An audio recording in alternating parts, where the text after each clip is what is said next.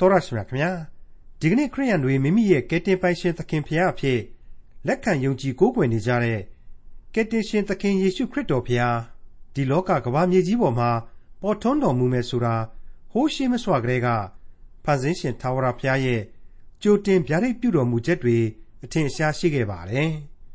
လူသားတိုင်းရဲ့ကယ်တင်ရှင်ယေရှုခရစ်တော်သခင်ဖရာပေါ်ထွန်းတော်မူမဲ့အကြောင်းဖျားရှင်ရဲ့ကြိုတင်ပြရိပ်ပြုမိန့်ဆိုတော်မူချက်တွေတဲက ဓာတ်ရိုက်ဖော်ပြမိန့်ဆိုတော်မူချက်တစ်ချက်ကိုဒီကနေ့သင်သိရသောတမန်ကျမ်းအစီအစဉ်မှာလေ့လာမှာဖြစ်တဲ့ခရိယန်တမန်ကျမ်းရဲ့ဓမ္မဟောင်းကျမ်းပိုင်းတွေကဟေရှာယနဂတိကျမ်းအခန်းကြီး19အခန်းငယ်16ကနေအခန်းကြီး20အထိမှာတွေ့ရမှာဖြစ်ပါတယ်။ဒီကဘာပေါ်မှာလူမျိုးတစ်မျိုးနဲ့တစ်မျိုးမုန်းတီးရွရှာဆက်ဆုပ်လွန်းလို့အင်အားကြီးတဲ့လူမျိုးကအင်အားငယ်တဲ့လူမျိုးကိုဒီလူမျိုးတွေကဘာပေါ်ကနေပျောက်စေမဟဲဆိုပြီးလူမျိုးတုံတပ်ဖြတ်မှုကြီးတွေ လုပ်ခဲ့ကြပြီမဲ့လို့ပျောက်ကွယ်မသွားဘဲနဲ့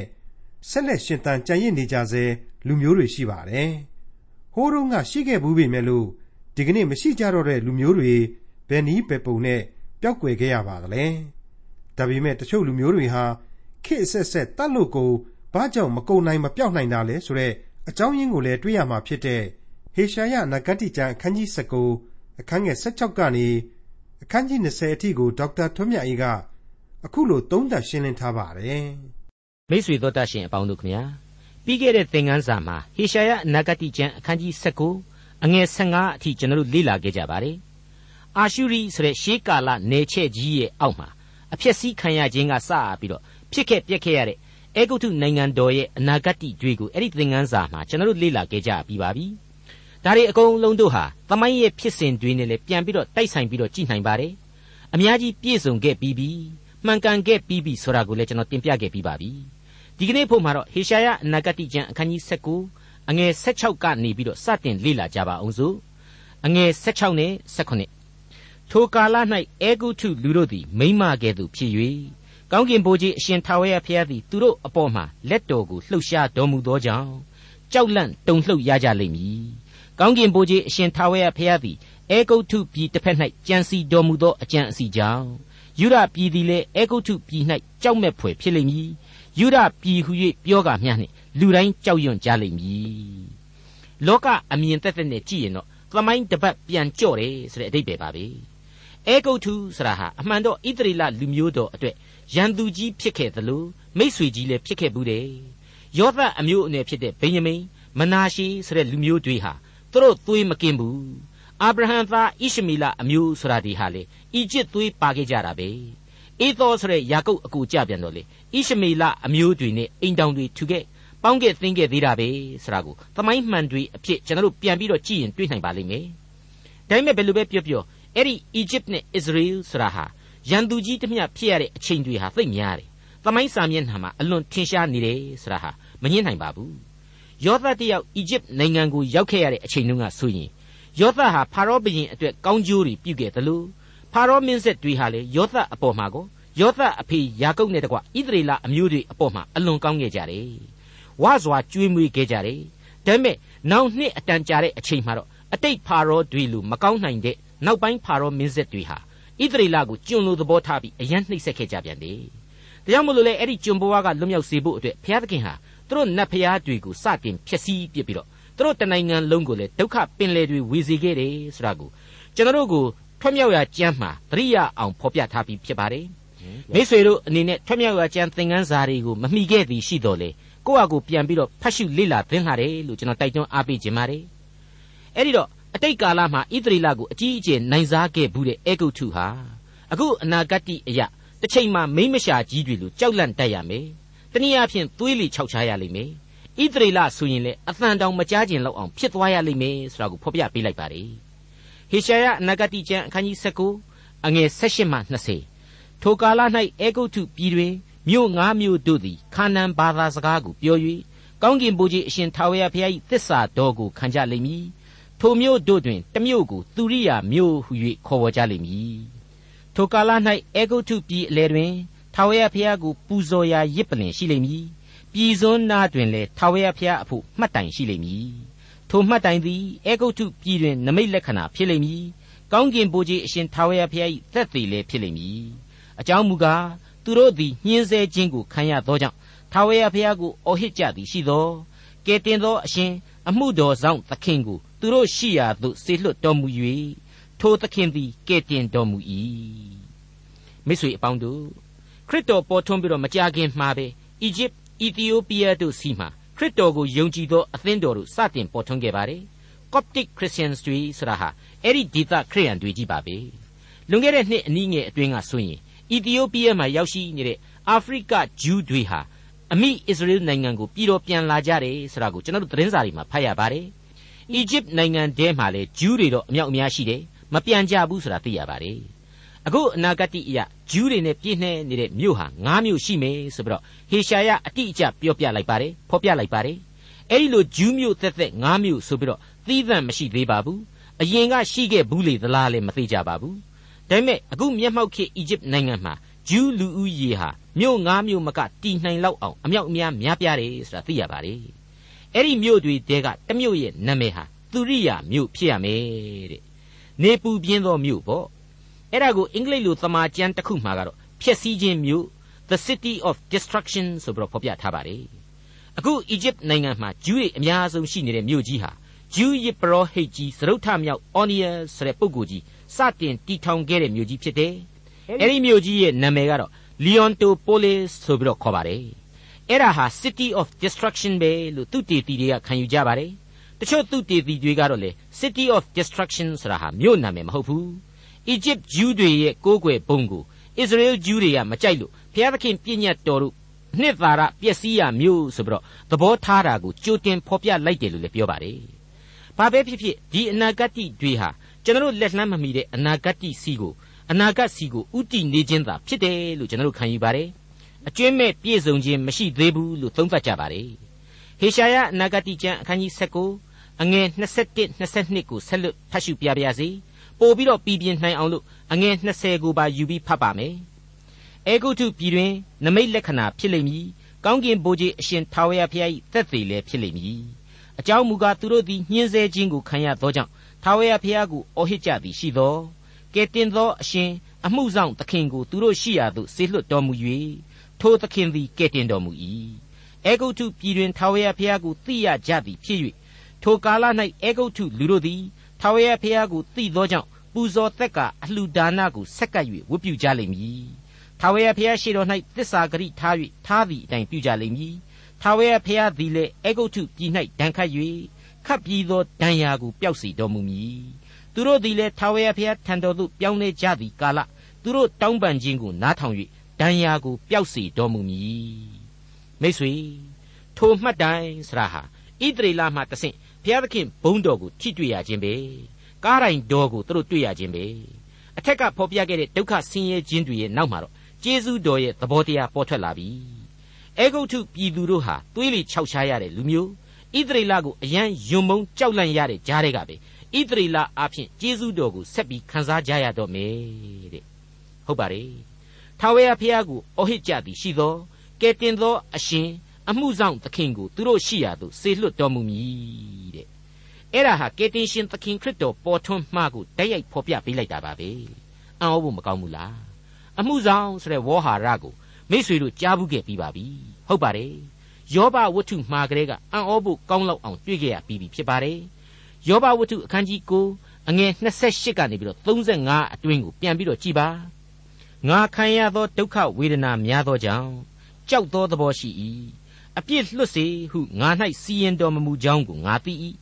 ငါသည်အပြစ်သင့်ရောက်သည်ဖြစ်၍အဘယ်ကြောင့်အချီးနှီးကြိုးစားရမည်နည်းငါကိုယ်ကိုမိုးပွင့်ရေနှင့်ရေဆေး၍ငါလက်ကိုရှင်းရှင်းစင်ကြယ်စေတော်လေရှွန့်တဲသို့တွန်းချတော်မူ၍ငါအဝတ်ပင်ငါကိုယ်ကိုယွန်လိမ့်မည်ငါသည်ဖျားသခင်၏စကားကိုတူးနှင့်တူးတရားတွေ့နိုင်မည်အကြောင်းဖျားသခင်သည်ငါကဲ့သို့လူဖြစ်တော်မူသည်မဟုတ်ငါတို့နှစ်ဦးကိုစီးတာပိုင်သောစัจ जा နေအမှုဆောင်မရှိငါကိုဒဏ်ခတ်တော်မမူပါနှင့် ပြုတော်မူသောဘေးကြောင့်ငါမကြောက်ပါစေနှင့်တို့ဖြစ်လျင်ငါသည်မကြောက်ဖဲပြောရသောအခွင့်ရှိလိမ့်မည်ယခုမူကားပြောရသောအခွင့်ကိုမရအဲ့ဒီလိုယောဘမြည်တမ်းခဲ့ပါတယ်ဒါဟာအလွန်ကောင်းတဲ့နှုတ်ကပတ်တော်ရဲ့ဗျာဒိတ်တော်တစ်ခုဖြစ်ပါတယ်အပြစ်ဒုစရိုက်အညစ်အကြေးတွေနဲ့ကိုယ့်ဘာသာကိုဘယ်လိုကြီးတွန်းလို့မှမပြောက်နိုင်တဲ့ကိုယ့်ရဲ့ဘဝနွန်တွင်းမှာသာအစဉ်တစိုက်ကျင်လေရတဲ့ညစ်သေးနေတဲ့ဘဝဖျားသခင်ကျေးဇူးတော်ဆိုတာကိုကိုယ့်ဖာကိုမရယူနိုင်ဘူး စัจ जा နေအမှုဆောင်ရှိဖို့လိုတယ်ဆိုတာကိုအဲ့ဒီရှေးအလွန်ကြတဲ့ဝတ္ထုကြီးမှာကလေးကဖော်ပြထားခဲ့ပါတယ်ဟော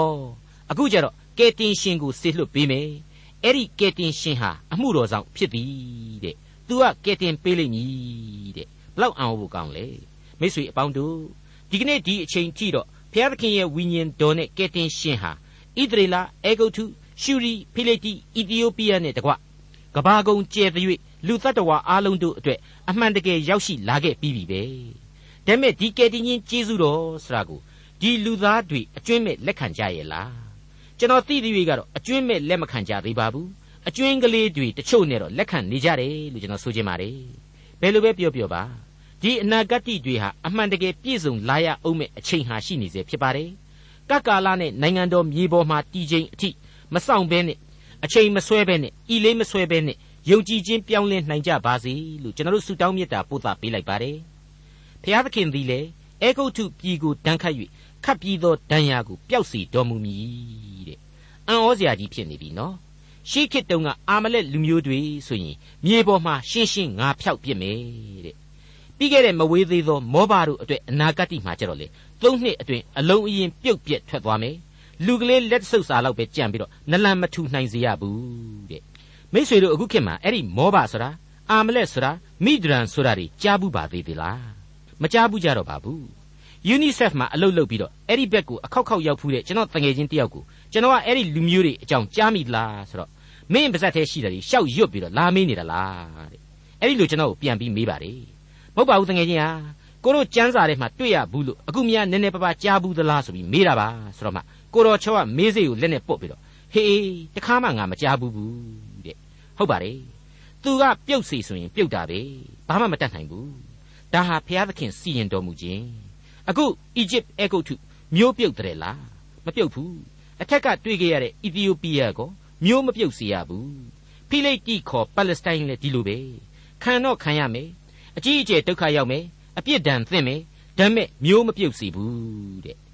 အဲ့တော့ဒီကနေ့အထိဒီအမျိုးတွေဟာဒီနိုင်ငံတွေဟာဘသူကမှရိုက်သတ်လို့မကုန် ဘသူကဘလောက်ပဲမုံမုံမမုံမုံအချင်းချင်းလဲဘလောက်ပဲကြည်လို့မရရရရဘုရားသခင်ကမင်းတို့ဆက်ပြီးတော့ရှင်သန်ကြရမယ်ဆိုတဲ့အတိုင်းပဲရှင်သန်စေတယ်ဟေရှာယအနာဂတိကျမ်းအခန်းကြီး20အငယ်23မှ25ထိုကာလ၌အေဂုတ်ထုပြည်မှအာရှုရိပြည်တိုင်အောင်လမ်းတွင်လိမ့်မည်အာရှုရိလူသည်အေဂုတ်ထုပြည်သို့၎င်းအေဂုတ်ထုလူသည်အာရှုရိပြည်သို့၎င်းသွာလာ၍အေဂုတ်ထုလူနှင့်အာရှုရိလူတို့သည်တညီတညွတ်ကြီးဝတ်ပြုကြလိမ့်မည် ထိုကာလ၌ဣသရေလအမျိုးသည်အေဂုတ်ထုအမျိုးနှင့်၎င်းအာရှုရိအမျိုးနှင့်၎င်းပေါင်း၍တတရအမျိုးဒီဟုသောမြေကြီးအလယ်၌မင်္ဂလာပြုသောအမျိုးဖြစ်လိမ့်မည်ကောင်းကင်ဘုရားအရှင်ထာဝရဘုရားကလည်းငါဤလူအေဂုတ်ထုအမျိုးငါပြုပြင်သောအာရှုရိအမျိုးငါ၏အမွေဥစ္စာဖြစ်သောဣသရေလအမျိုးသည်မင်္ဂလာရှိစေတည်းဟုကောင်းကြီးပေးတော်မူလိမ့်မည်ဒီနေရာမှာအာရှုရိဆိုတာဟာယူဖရတီစ်မြစ်အညာပိုင်းကနေပြီးတော့ လာလာပြီးတော့ဒုက္ခပေးတဲ့အာရှုရိလူမျိုးကိုဆိုလိုခြင်းမဟုတ်တော့ပါဘူးသူဟာခစ်ကုံသွားခဲ့ပါပြီတနည်းပြောရရင်တော့ကျိန်စာသင့်သွားခဲ့ပါပြီအဲ့ဒီလိုပါပဲမြစ်အခြေပိုင်းကဘာပုလုံဟာလဲကြေမွသွားလို့ပါရှားအင်ပါယာကြီးခေါင်းထောင်လာပြီလို့ဆိုရမယ်မေသောပေါတေမိသို့မဟုတ်မက်ဆိုပိုတေးမီးယားဆိုတဲ့ဒေသကိုဖော်ပြခြင်းဖြစ်ပါတယ်ဒါကြောင့်မို့လို့သာလျှင်ယခင်အာရှုရိဒေသသားအသစ်တွေဖြစ်လာတဲ့ပေရသိခေါ်ပါရှားနဲ့မေရီဆိုတဲ့လူမျိုးတို့ကိုပေါင်းစုပြီးတော့ ငါပြုတ်ပြင်သောအာရှုရိလူမျိုးဆိုပြီးတော့နောက်ပိုင်းမှာဆက်လိုက်တာပါပဲမိတ်ဆွေအပေါင်းတို့ခမညာကျွန်တော်ခံမှန်းနိုင်သေးအတိုင်းအတာနဲ့ကတော့ဒီကနေ့လေပြန်နဲ့ခရီးသွားနေရတဲ့ခေတ်အထိတော့ဒီအနာဂတ်တိဟာပြည့်ပြည့်စုံခြင်းမရှိသေးပါဘူးဒါဟာအနာဂတ်တစ်ချိန်အတွက်သာဖြစ်လိမ့်မယ်လို့ကျွန်တော်တို့တွက်ချက်ပါတယ်အီရန်ပါရှားအေဂုတ်ထုခေါ်အီဂျစ်ကုရှာသို့မဟုတ်အီသီယိုးပီးယားနဲ့ဣသရေလတို့အဖို့ဘုရားသခင်ရဲ့ကောင်းကြီးမင်္ဂလာတွေကိုဆက်လက်ခန်းစားကြရလိမ့်အောင်မယ်ဆိုတာဟာမြေကြီးလက်ခတ်မလွယ်ဖြစ်တဲ့အကြောင်း ဟေရှာယအနာဂတ်တိဟာတင်ပြလျက်ရှိနေပါတယ်မိษွေတော်တတ်ရှင်အပေါင်းတို့အဲ့ဒီလိုအလွန်အလွန်ဝေးကွာလှမ်းတဲ့အချိန်ကာလတွေအတွက်ခက်ခက်ခဲခဲအပြေထုတ်စဉ်းစားနေရတဲ့အနာဂတ်တိတွေဟာအခုအချိန်မှာတော့ကာလတို့အတွင်းမဖြစ်မနေပြည့်စုံစည်းခဲ့တဲ့နောက်ထပ်အခန်းကြီး20ကိုဆက်လက်ရောက်ရှိလာစေပါပြီအတော်အုံနှောက်စားတဲ့ကျမ်းစုဖြစ်ပါတယ်ဒါကိုကျွန်တော်ဒီအပိုင်းနဲ့သက်ဆိုင်ပြီးတော့ကြိုတင်ဝန်ခံခြင်းပါတယ်ဒါပေမဲ့သမိုင်းမှန်တို့အဖြစ်ဟေရှာယအနာဂတ်တိတို့ရဲ့ခိုင်လုံမှုပရောဖက်စကားအပေါင်းတို့ရဲ့အံ့ ဩဖွယ်ပြည့်စုံမှုတို့ကိုရှာဖွေတွေ့ရှိစေသောကြံဖြစ်နေပြန်ပါလေသေချာစွာနားဆင်ကြည့်ကြပါဟေရှာယနဂတိကျမ်းအခန်းကြီး20အငယ်1နဲ့2အာရှုရိရှင်ဘရင်သာဂုံစေလွတ်သောဗိုလ်မင်းတာတန်သည်အာဇုတ်မြို့သို့စစ်ချီ၍ထိုမြို့ကိုလှုပ်ကြံသောနှစ်တွင်ထာဝရဘုရားကသင်သည်သွား၍ခါစီသောရှော်တေအဝတ်နှင့်ခြေနှင်းကိုချွတ်လော့ဟုအာမုတ်သားဟေရှာယကိုမိန့်တော်မူသည့်အတိုင်းသူသည်ပြုတ်၍အဝတ်ကိုမဝတ် ခြေနှင်းကိုမစီးဘဲသွားလာလျက်နေ၏အာရှုရိရှင်ဘရင်နာမည်ကသာဂုံနဲ့အဲ့ဒီသာဂုံဆိုတာကိုတခြားကျမ်းပြိုင်တွေမှာရှာလို့မရတော့အတော်ကြီးကိုစဉ်းစားရကြက်စီပါတယ်သမိုင်းတစ်လျှောက်လုံးမှာလေအဲ့ဒီသာဂုံဆိုတဲ့ဘရင်ဟာဘယ်အရက်ကနေဘယ်လိုပေါက်လာတယ်လဲဟေရှာယအနာဂတိကျမ်းဟာယုတ်တိမှတန်ရလားစသဖြင့်အတော်ကြီးကိုအငင်းအခုန်တွေဖြစ်ပွားခဲ့တယ်လို့ကျွန်တော်တို့သိရပါတယ်ဒါပေမဲ့မကြသေးမီကမှသမိုင်းသူတေတီတွေရှာဖွေတွေ့ရှိချက်အရာ အဲ့ဒီသာဂုံဆိုတာဟာတခြားမဟုတ်ဘူးအာရှုရိအသံတွဲနဲ့သာရဂင်ဆိုတဲ့ဘရင်ဖြစ်နေတယ်နှစ်အနည်းငယ်သာအုပ်ချုပ်ခဲ့ရတဲ့ဘရင်ဖြစ်ခဲ့တယ်သူဟာဖိလိတိနယ်မြေကအာဇုတ်မြို့ကိုဝင်တိုက်ခဲ့တဲ့ဘရင်ပဲဆိုတာဒီပေါ်ထွက်လာပါတယ်အဲ့ဒီအချိန်ကာလဟာအာရှုရိသမိုင်းမှတ်တမ်းများအရလေ BC 911ခုနှစ်ဖြစ်တယ်ဆိုတာပါပေါ်လာပါသေးတယ်မိတ်ဆွေအပေါင်းတို့ဒီနေရာမှာအဲ့ဒီသာဂုံကိုရှာဖွေရင်းနဲ့အတိတ်ကဣသရေလအေဂုတ်ထုတို့ပေါင်းပြီးတော့ အာရှုရိတို့ကိုပြန်လဲတိုက်ခိုက်ဖို့ကြံစီတုံးမှာအာရှုရိတွေကလက်ဦးသွားခဲ့ပုံအဲ့ဒီအချိန်ကာလကအာရှုရိဘရင်ဟာရှာလမနေဇာလို့အမည်တွင်ခဲ့ဘုံတွေကိုဖော်ပြပေးခြင်းပါတယ်ဓမ္မရာဇဝင်စရုပ်ထစာဆောင်အခန်းကြီး18ရဲ့မှတ်တမ်းတွေအရဆိုရင်အခုလိုဖော်ပြထားပါတယ်ယူရရှင်ဘရင်အာခတ်နန်းဆန်12နှစ်တွင်အေလာသားဟောရှေသည်နန်းထိုင်၍ရှမာရိမြို့၌ဣသရေလနိုင်ငံကို9နှစ်စိုးစံလေ၏ ထိုမင်းသည်ထာဝရဘုရားရှေ့တော်၌ဒုစရိုက်ကိုပြု၏သို့တော်လည်းသူ့ရှေ့မှဖြစ်ဖူးသောဣသရေလရှင်ဘရင်တို့ပြုသောဒုစရိုက်ကိုမမီထိုမင်းကိုအာရှုရိရှင်ဘရင်ရှာလမနေဇာသည်စစ်ချီ၍ဟောရှေသည်ကျွန်ခံသဖြင့်အခွန်ဆက်ရ၏နောက်တဖန်နှစ်တိုင်းဆက်ရသောအခွန်ကိုမဆက်သွားအအမည်ရှိသောအေဂုတ်ထုရှင်ဘရင်ထံသို့တန်တမန်ကိုဆေလွှတ်၍ပုံကံမိအကြံရှိသည်ကိုအာရှုရိရှင်ဘရင်သိသဖြင့်ဟောရှေကိုဖမ်းဆီး၍ထောင်ထဲမှချုပ်ထားပြီးလျှင် ဣသရေလပြည်တလျှောက်လုံးသို့စစ်ချီ၍ရှမာရိမြို့သို့ရောက်သောသုံးနှစ်ဝိုင်းထား၏ဟောရှေနန်းဆန်ကိုနှစ်တွင်အာရှုရိရှင်ဘရင်သည်ရှမာရိမြို့ကိုရပြီးလျှင်ဣသရေလအမျိုးကိုအာရှုရိပြည်သို့သိမ်းသွား၍ဂောဇန်မြစ်နာဟာလာမြို့ဟာဘော်မြို့အစရှိသော မေဒိနိုင်ငံမြို့ရွာတို့၌ထား၏မိတ်ဆွေအပေါင်းတို့အဲ့ဒါတွေဟာဣသရေလဆိုတဲ့မြောက်ဖက်ချမ်းကဣသရေလတွေကို အာရှုရိရှင်ဘုရင်ကြီးရှာလမနေဇာဆိုတဲ့ဘုရင်ကြီးကတိုက်ခိုက်သိမ်းပိုက်ပုံရှမာရိလို့ခေါ်တဲ့အဲ့ဒီဣသရေလရဲ့မြို့တော်ကိုသုံးနှစ်ဝိုင်းထားပြီးတော့နောက်ဆုံးကျတော့ဘုရင်ကြီးကိုပါတခါတည်းဖမ်းဆီးပြီးတော့ခေါ်သွားခဲ့ပုံအဲ့ဒီပုံကျမ်းတွေကိုဖော်ပြထားခြင်းဖြစ်ပါတယ်အဲ့ဒီအကြောင်းတွေကိုပဲအချိန်ကာလနဲ့တွက်ပြီးကြည့်နိုင်အောင်လို့အဲ့ဒီဓမ္မရာဆိုရင်သရုတ်ထစာဆောင်အခန်းကြီး78အငယ်6ကနေ73အတွင်းမှာအခုလိုထပ်ပြီးတော့မြင်နိုင်ပါတယ်ဟေဇကိမင်းကြီးနန်းဆန်၄နှစ် ဣသရေလရှင်ဘရင်အေလာသားဟောရှိနန်းဆန်9နှစ်တွင်အာရှုရိရှင်ဘရင်ရှာလမနေစားသည်ရှမာရိမြို့သို့စစ်ချီ၍ဝိုင်းထား၏သုံးနှစ်စေသောအခါဟေဇကိနန်းဆန်6နှစ်ဣသရေလရှင်ဘရင်ဟောရှိနန်းဆန်9နှစ်တွင်ရှမာရိမြို့ကိုတိုက်၍ရ၏အာရှုရိရှင်ဘရင်သည်ဣသရေလအမျိုးကိုအာရှုရိပြည်သို့သိမ်းသွား၍ဂောဇန်မြစ်နာဟာလာမြို့ဟာဘော်မြို့အစရှိသော မေဒိနိုင်ငံမြို့ရွာတို့၌ထား၏အကြောင်းမူကား သူတို့သည်မိမိတို့ဘုရားသခင်ထာဝရဘုရား၏စကားတော်ကိုနားမထောင်ဖွဲ့တော်မူသောဗြိညင်ကို၎င်းထာဝရဘုရား၏ကျွန်မောရှိမှားထားသမျှကို၎င်းအမှုမထားဘဲလွန်ကျူးကြ၏ဟေဇကိမင်းကြီးနန်းဆန်14နှစ်တွင်အာရှုရိရှင်ဘရင်သာနာခရိတ်သည်ယူဒပြည်၌ခိုင်ခံ့သောမြို့ရှိသမျှတို့ကိုစစ်ချီ၍လှုပ်ကြံလေ၏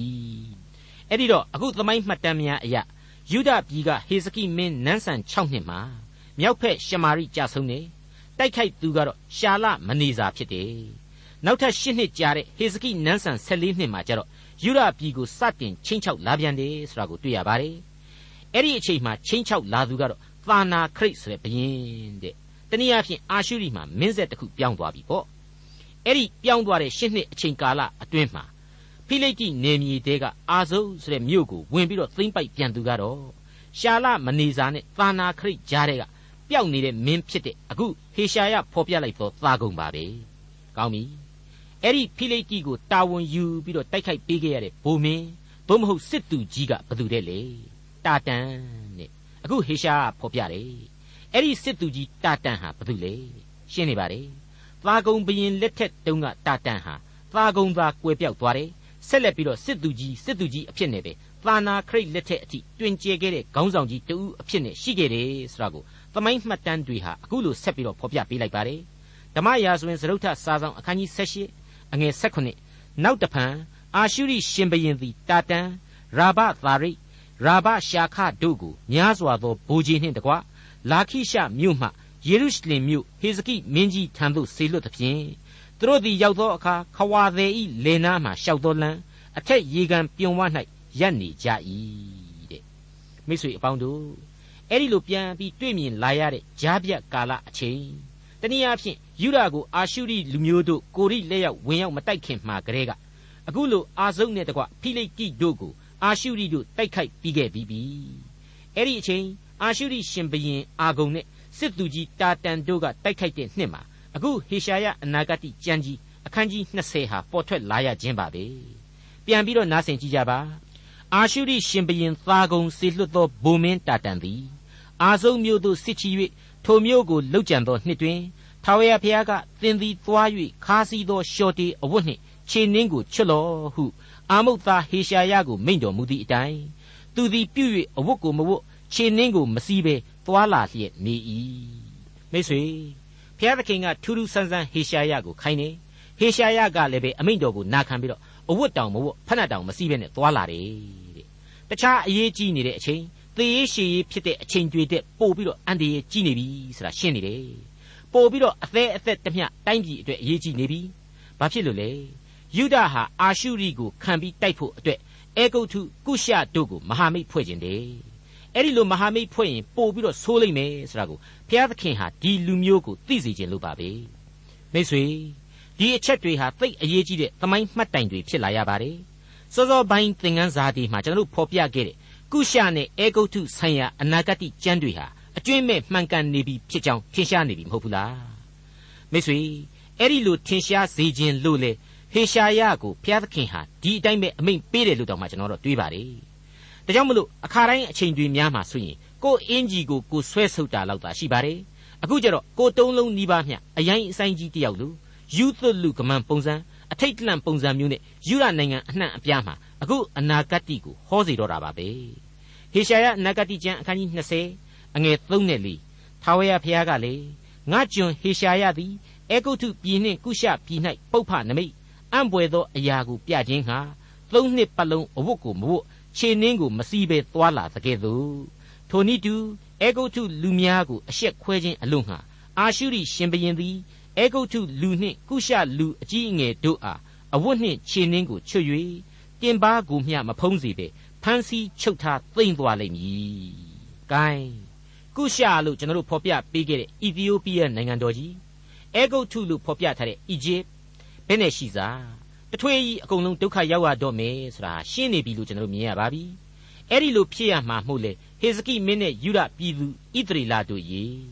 အာရှုရိလူမျိုးကိုမင်းတို့သတိထား အီဂျစ်ကိုလည်းသွားအာမကုန်နဲ့ကုရှာကိုလည်းသွားမဆက်သွင်းနဲ့ကိုပါရောပြီးတော့ဒုက္ခရောက်ကုန်လိမ့်မယ်ဆိုတာကိုဟေရှာယကနေပြီးတော့ကြိုတင်ဖော်ပြပေးလိုက်ခြင်းပါပဲဟေရှာယအနာဂတိကျမ်းအခန်းကြီး20အငယ်9နဲ့6အာဇုတ်မြို့သားတို့သည်ကြောက်ကြလိမ့်မည်သူတို့ကိုးစားသောကုရှပြည်ကို၎င်းဝါကြွားသောအေဂုတ်ထုပြည်ကို၎င်းရှက်ကြလိမ့်မည်ထိုကမ်းနားမှနေသောသူများကလည်းကြည်ပါအာရှုရိရှင်ဘရင်ဤလက်မှလွတ်ခြင်းဟာငါတို့မျှော်လင့်ရာအရာ ပြေး၍ခိုလှုံရာအရာသည်ထိုသို့ဖြစ်ပါသည်တကားငါတို့သည်အဘယ်သို့လွတ်နိုင်ပါမည်နည်းဟုထိုအခါဆိုကြလိမ့်မည်မိတ်ဆွေအပေါင်းတို့ခမညာဒီလူမျိုးဒီတိုင်းပြည်တို့ဒီလိုဖြစ်ရမယ်ဆိုတာနဲ့မျက်စိအောက်မှာတင်မဖြစ်မနေဖြစ်ပေးခဲ့ရတဲ့ဟေရှာယရဲ့အနာဂတ်တွေဖြစ်ပါတယ်မျက်စိတမိတ်လျှက်တစ်ပြက်အတွင်းမှာဆိုသလိုဘုရားသခင်ရဲ့တကိုးတော်အတိုင်းအမိန့်တော်ဟာတည်ခဲ့ရတယ်။သမိုင်းမှန်တွေဟာဘယ်လို့မှညှင်းဆန်လို့မရအောင် ဖြစ်ခဲ့ပြက်ခဲ့ကြရပြီဆိုတာကိုကျွန်တော်တို့တွေ့နေရပါပြီ။တစ်ချိန်တည်းမှာဒီအန်တရယ်တွေပြီးရင်အန်တရယ်ခေါင်းကြီးတွေကိုယ်တိုင်ဟာဘယ်လိုဘယ်လိုဖြစ်ရပြက်ရအောင်မယ်။ဘယ်လိုဒံပေးတာဒီကိုခံရအောင်မယ်ဆိုတာတွေဟာလေဆက်လက်မှန်ကန်ခဲ့တယ်ဆိုတာကိုသမိုင်းထင်ရှားသက်သေများအဖြစ်ကျွန်တော်တို့ရှင်းလင်းပြသစွာခံယူနိုင်ကြပါတယ်။အခုဆိုရင်ကုရှာလို့ခေါ်တဲ့အီသီယိုးပီးယားအဲဂုတ်ထုနဲ့ဣသရီလတို့အားလုံးဟာမယိုးမဆွဲသောဖြစ်စဉ်များနဲ့ကြုံတွေ့ကြရတယ်ပြည့်အစဉ်ပြင်ခဏတွေရှိသလို ပြည့်အစဉ်ပြင်မရဓာတွေဟာလည်းအများကြီးပဲ138ခုမြောက်သောဆာလံမှာဒါဝိမင်းကြီးဖော်ပြခဲ့တဲ့အတိုင်းပေါ့